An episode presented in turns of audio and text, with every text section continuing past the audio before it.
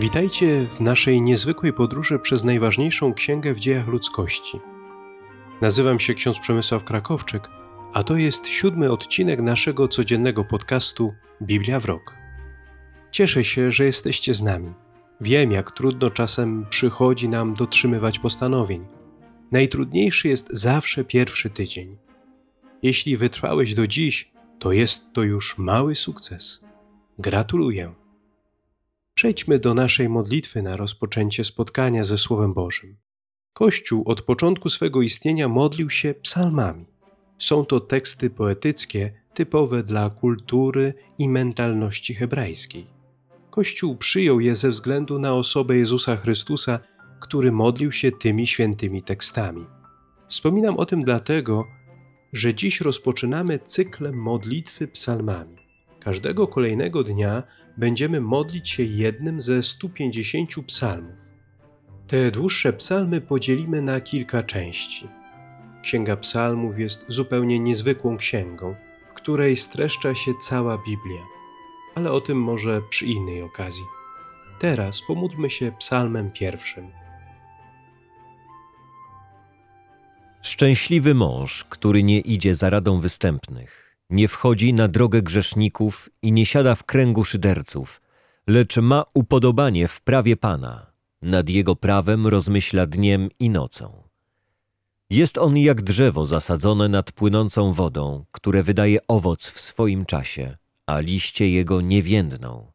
Co uczyni, pomyślnie wypada. Nie tak z występnymi, nie tak. Są oni jak plewa, którą wiatr rozmiata. To też występni nie ostoją się na sądzie, ani grzesznicy w zgromadzeniu sprawiedliwych, bo Pan uznaje drogę sprawiedliwych, a droga występnych zaginie. Dziś przeczytamy dwa rozdziały Księgi Rodzaju, rozdział 18 i 19, w których autor biblijny opowie nam o niezwykłych gościach, którzy przybyli do Abrama. Do Abrama przybywa sam Bóg pod postacią trzech młodzieńców. Chrześcijanie w tym obrazie widzą zapowiedź objawienia tajemnicy Trójcy Przenajświętszej, jedynego Boga w trzech osobach.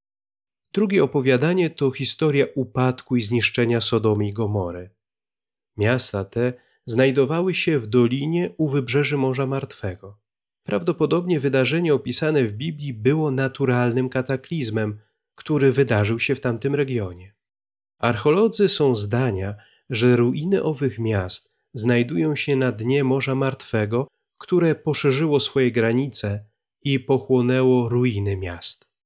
My popatrzmy na ten tekst jako na przekaz pewnej prawdy teologicznej. Żaden grzech nie jest obojętny i nie pozostaje bez wpływu na życie konkretnych ludzi, a nawet całych społeczeństw. Grzech jest dla Boga obrzydliwością. Możemy oburzać się na Boga, że taką wielką karę zesłał na tych biednych grzeszników, ale musimy pamiętać, że życie to coś więcej niż tylko ciało i doczesna przyjemność. Rozumienie kataklizmu jako kary za ludzkie grzechy było w tamtej epoce czymś zupełnie powszechnym. Zauważmy, że Abraham targuje się z Bogiem o życie tamtych ludzi, a Bóg przychyla się do jego prośby. Obiecuje, że nie zniszczy Sodomy i Gomory, jeśli w tych miastach znajdzie się choćby tylko dziesięciu sprawiedliwych, którzy nie dopuścili się grzechu. A jednak nie znalazło się tam nawet dziesięciu sprawiedliwych. Mimo to Bóg jednak idzie o krok dalej, daje więcej niż obiecał. Postanawia uratować czterech spośród nich: Lota, jego żonę i dwie jego córki. Jest to zatem historia nie tyle o karze, jaka spada na ludzi, ale pełnej miłości interwencji Boga, który ratuje ludzi sprawiedliwych, a grzeszników wzywa do nawrócenia. Podobne historie będą się jeszcze powtarzały wielokrotnie, na przykład Jerozolima roku 70 naszej ery, czy Warszawa roku 1944. Zawsze jednak wielkie tragedie ludzkości będą poprzedzone Bożym napomnieniem, wezwaniem do nawrócenia i opuszczenia miasta przed jego zagładą. Pan ukazał się Abrahamowi pod dębami Mamre, gdy ten siedział u wejścia do namiotu w najgorętszej porze dnia. Abraham, spojrzawszy, dostrzegł trzech ludzi naprzeciw siebie. Ujrzawszy ich, podążył od wejścia do namiotu na ich spotkanie. A oddawszy im pokłon do ziemi, rzekł: O panie, jeśli darzysz mnie życzliwością, racz nie omijać twego sługi. Przyniosę trochę wody, wy zaś raczcie obmyć sobie nogi, a potem odpocznijcie pod drzewami. Ja zaś pójdę wziąć nieco chleba, abyście się pokrzepili, zanim pójdziecie dalej, skoro przechodzicie koło sługi waszego. A oni mu rzekli, uczyń tak, jak powiedziałeś. Abraham poszedł więc śpiesznie do namiotu Sary i rzekł, prędko zaczyń ciasto z trzech miar najczystszej mąki i zrób podpłomyki. Potem Abraham podążył do trzody i wybrawszy tłuste i piękne ciele, dał je słudze, aby ten szybko je przyrządził. Po czym wziąwszy twaróg, mleko i przyrządzone ciele, postawił przed nimi, a gdy oni jedli, stał przed nimi pod drzewem. Zapytali go, gdzie jest twoja żona, Sara? Odpowiedział im, w tym oto namiocie. Rzekł mu jeden z nich, o tej porze za rok znów wrócę do ciebie. Twoja zaś żona Sara będzie miała wtedy syna. Sara przysłuchiwała się u wejścia do namiotu, które było tuż za Abrahamem. Abraham i Sara byli w bardzo podeszłym wieku. To też Sara nie miewała przypadłości właściwej kobietom. Uśmiechnęła się więc do siebie i pomyślała: Teraz, gdy przekwitłam, mam doznawać rozkoszy i mój stary mąż.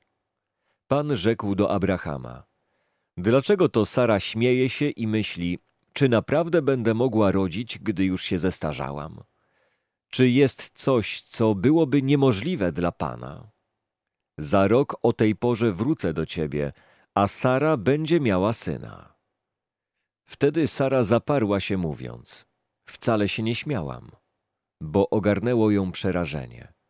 Ale Pan powiedział: Nie, śmiałaś się. Potem ludzie ci odeszli i skierowali się ku Sodomie. Abraham zaś szedł z nimi, aby ich odprowadzić. A Pan mówił sobie: Czyż miałbym zataić przed Abrahamem to, co zamierzam uczynić? Przecież ma się on stać ojcem wielkiego i potężnego narodu, i przez niego otrzymają błogosławieństwo wszystkie ludy ziemi. Bo upatrzyłem go jako tego, który będzie nakazywał potomkom swym oraz swemu rodowi, aby przestrzegając przykazań Pana, postępowali sprawiedliwie i uczciwie, tak żeby Pan wypełnił to, co obiecał Abrahamowi. Po czym Pan rzekł, głośno się rozlega skarga na Sodomę i Gomorę, bo występki ich mieszkańców są bardzo ciężkie. Chcę więc stąpić i zobaczyć, czy postępują tak, jak głosi oskarżenie, które do mnie doszło, czy nie. Dowiem się. Wtedy to ludzie ci odeszli w stronę Sodomy, a Abraham stał dalej przed Panem. Podszedłszy do niego, Abraham rzekł: Czy zamierzasz wygubić sprawiedliwych wespół z bezbożnymi? Może w tym mieście jest pięćdziesięciu sprawiedliwych. Czy także zniszczysz to miasto i nie przebaczysz mu przez wzgląd na owych pięćdziesięciu sprawiedliwych, którzy w nim mieszkają? O, nie dopuść do tego, aby zginęli sprawiedliwi z bezbożnymi, aby stało się sprawiedliwemu to samo, co bezbożnemu. O, nie dopuść do tego. Czyż ten, który jest sędzią nad całą ziemią, mógłby postąpić niesprawiedliwie?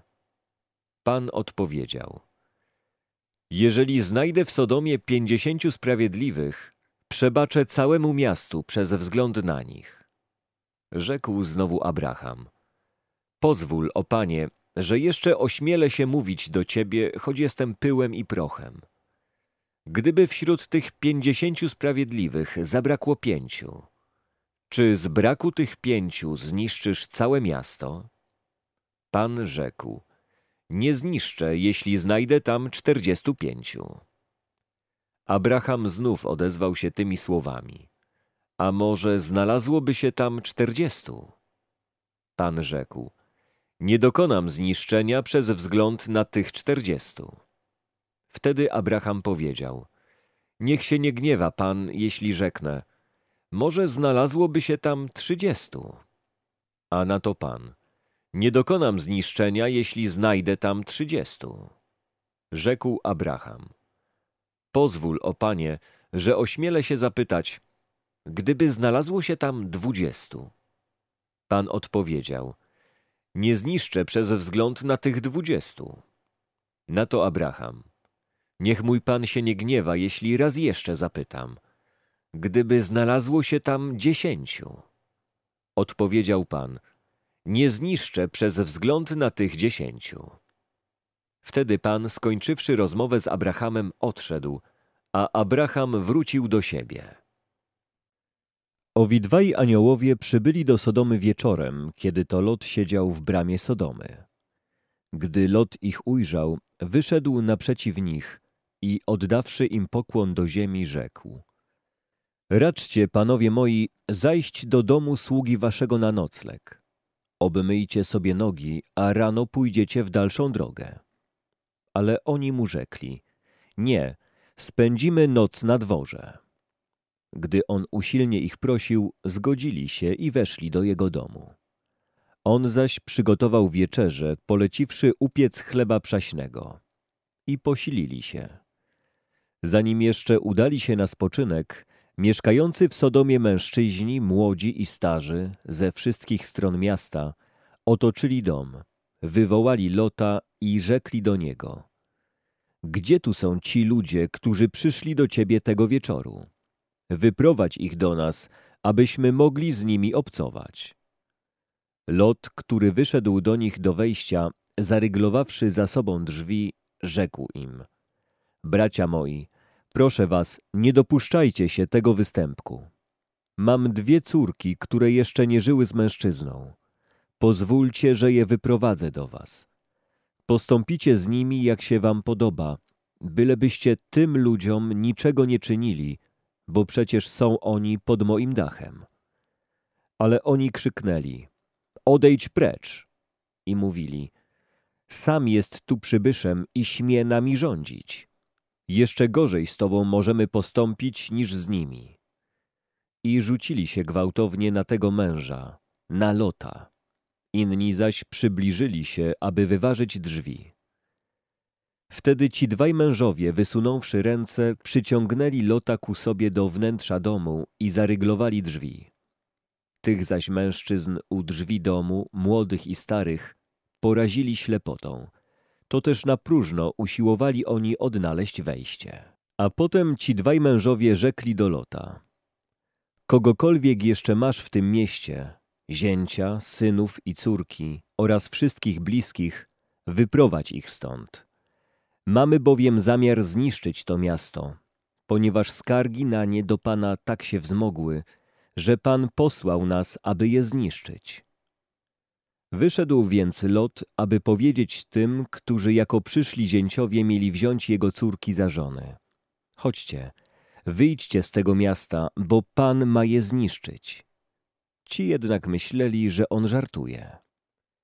Gdy już zaczynało świtać, aniołowie przynagrali Lota mówiąc Wstań, weź żonę i córki, które są przy tobie, abyś nie zginął z winy tego miasta. Kiedy zaś on zwlekał, mężowie ci chwycili go, jego żonę i dwie córki za ręce. Pan bowiem litował się nad nimi i wyciągnęli ich i wyprowadzili poza miasto. A gdy ich już wyprowadzili z miasta, rzekł jeden z nich: Uchodź, abyś ocalił swe życie. Nie oglądaj się za siebie i nie zatrzymuj się nigdzie w tej okolicy, ale szukaj schronienia w górach, bo inaczej zginiesz. Ale Lot rzekł do nich: Nie, panie mój, jeśli darzysz twego sługę życzliwością, uczyń większą łaskę niż ta, którą mi wyświadczyłeś, ratując mi życie bo ja nie mogę szukać schronienia w górach, aby tam nie dosięgło mnie nieszczęście i abym nie zginął. Oto jest tu w pobliżu miasto, do którego mógłbym uciec.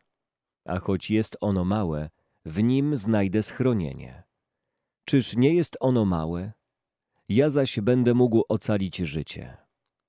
Odpowiedział mu anioł, przychylam się i do tej twojej prośby. Nie zniszczę więc miasta, o którym mówisz. Szybko zatem schroń się w nim, bo nie mogę dokonać zniszczenia, dopóki tam nie wejdziesz. Dlatego dano temu miastu nazwę Soar. Słońce wzeszło już nad ziemią, gdy Lot przybył do Soaru. A wtedy Pan spuścił na Sodomę i Gomorę deszcz siarki i ognia pochodzący od Pana z nieba. I tak zniszczył te miasta oraz całą okolicę wraz ze wszystkimi mieszkańcami miast, a także roślinność. Żona Lota, która szła za nim, obejrzała się i stała się słupem soli. Abraham, wstawszy rano, udał się na to miejsce, na którym przedtem stał przed Panem. I gdy spojrzał w stronę Sodomy i Gomory i na cały obszar dokoła, zobaczył unoszący się nad ziemią gęsty dym, jak gdyby z pieca, w którym topią metal. Tak więc Bóg, niszcząc okoliczne miasta, wspomniał o Abrahamie i ocalił Lota od zagłady, jakiej uległy te miasta, w których Lot przedtem mieszkał. Lot wyszedł z Soaru i zamieszkał wraz z dwiema swymi córkami w górach, gdyż bał się pozostawać w tym mieście. A gdy mieszkał z dwiema swymi córkami w pieczarze, rzekła starsza do młodszej. Ojciec nasz wprawdzie jest już stary, ale nie ma w tej okolicy mężczyzny, który by przyszedł do nas na sposób właściwy na całej ziemi. Chodź więc, upoimy ojca naszego winem i położymy się z nim, a tak będziemy miały potomstwo z ojca naszego. Upoiły więc ojca winem tej samej nocy. Wtedy starsza poszła i położyła się przy ojcu swoim. On zaś nawet nie wiedział ani kiedy się kładła, ani kiedy wstała. Nazajutrz rzekła starsza do młodszej. Oto wczoraj ja spałam z ojcem. Upójmy go winem także tej nocy i idź ty i śpij z nim, abyśmy obie miały potomstwo z ojca naszego. Upoiły więc i tej nocy ojca swego winem i poszła młodsza i położyła się przy nim, a on nawet nie wiedział, kiedy się kładła i kiedy wstała. I tak obie córki Lota stały się brzemienne za sprawą swego ojca. Starsza, urodziwszy potem syna, dała mu imię Moab. Ten był praojcem dzisiejszych Moabitów. Młodsza również urodziła syna i nazwała go Ben-Ammi. Ten zaś stał się praojcem dzisiejszych Ammonitów. Na zakończenie posłuchajmy fragmentu Ewangelii według świętego Mateusza, rozdział 3, wersety od 1 do 17, opowiadającym o chrzcie Jezusa w rzece Jordan z rąk świętego Jana Chrzciciela. Wiemy, że Chrystus nie potrzebował chrztu Janowego, który był udzielany jako znak nawrócenia i odpuszczenia grzechów. Jezus wchodzi w wody Jordanu, aby je uświęcić i wziąć na siebie ciężar ludzkich grzechów. W owym czasie pojawił się Jan Chrzciciel i głosił na pustyni judzkiej te słowa. Nawracajcie się, bo bliskie jest Królestwo Niebieskie. Do niego to odnosi się słowo proroka Izajasza, gdy mówi Głos wołającego na pustyni, przygotujcie drogę Panu, dla niego prostujcie ścieżki. Sam zaś Jan nosił odzienie z sierści wielbłądziej i pas skórzany około bioder a jego pokarmem były szarańcza i miód leśny. Wówczas ciągnęły do niego Jerozolima oraz cała Judea i cała okolica nad Jordanem. Przyjmowano od niego chrzest w rzece Jordan, wyznając swoje grzechy. A gdy widział, że przychodziło do chrztu wielu spośród faryzeuszów i saduceuszów, mówił im: Plemię żmijowe, kto wam pokazał, jak uciec przed nadchodzącym gniewem? Wydajcie więc godny owoc nawrócenia. A nie myślcie, że możecie sobie mówić, Abrahama mamy za ojca. Bo powiadam wam, że z tych kamieni może Bóg wzbudzić dzieci Abrahamowi. Już siekiera jest przyłożona do korzenia drzew. Każde więc drzewo, które nie wydaje dobrego owocu, zostaje wycięte i wrzucone w ogień. Ja was chrzczę wodą dla nawrócenia, lecz ten, który idzie za mną, mocniejszy jest ode mnie. Ja nie jestem godzien nosić mu sandałów. On was chrzcić będzie duchem świętym i ogniem. Ma on wiejadło w ręku i oczyści swój omłot. Pszenicę zbierze do spichlerza, a plewy spali w ogniu nieugaszonym. Wtedy przyszedł Jezus z Galilei nad Jordan do Jana, żeby przyjąć od niego chrzest. Lecz Jan powstrzymywał go, mówiąc: To ja potrzebuję chrztu od ciebie, a ty przychodzisz do mnie? Jezus mu odpowiedział: Ustąp teraz, bo tak godzi się nam wypełnić wszystko, co sprawiedliwe. Wtedy mu ustąpił. A gdy Jezus został ochrzczony, natychmiast wyszedł z wody. A oto otworzyły się nad nim niebiosa i ujrzał Ducha Bożego stępującego jak gołębica i przychodzącego nad niego. A oto głos z nieba mówił: Ten jest mój syn umiłowany, w którym mam upodobanie. Dziękuję Państwu za wysłuchanie tego podcastu i zapraszam na jutrzejszy odcinek. Do usłyszenia.